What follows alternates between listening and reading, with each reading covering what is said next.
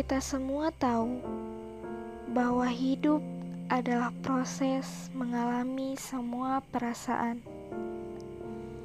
Hidup itu ya tentang sedih dan senang. Tak pernah ada pilihan untuk membalikkannya.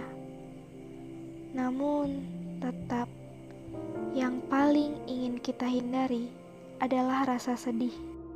Ada kalanya sedih malah datang bertubi-tubi hamparan lembar kehidupan.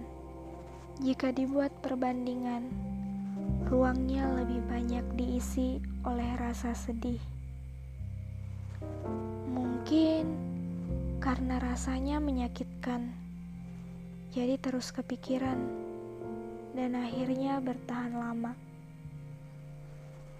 Jika tentangku adalah sedih, maka sedihku adalah tentang kehilangan perpisahan, penyesalan, dan bagaimana mereka melihatku merasakan itu semua. Kadang aku merasa terlalu banyak hal menyakitkan, sepertinya sulit untuk selesai, dan diri ini tak mampu menyudahinya.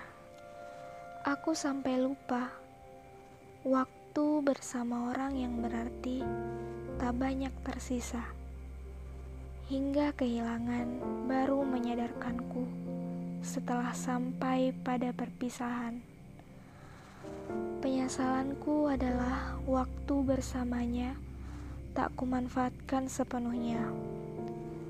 Dan tak ada yang mampu membalikan waktu. Banyak perasaan-perasaan lain yang mengikutiku Cara mereka melihatku dengan tatapan yang tak kalah pedihnya membuatku lebih sulit melampangkan perasaan. Lebih membingungkan lagi ketika aku sedang berpura-pura kuat, mereka seolah masuk ke dalam diriku, mewakiliku menangisi hidupku. Sebenarnya, aku hanya ingin baik-baik saja dan tak ingin percaya bahwa hidupku banyak sedihnya.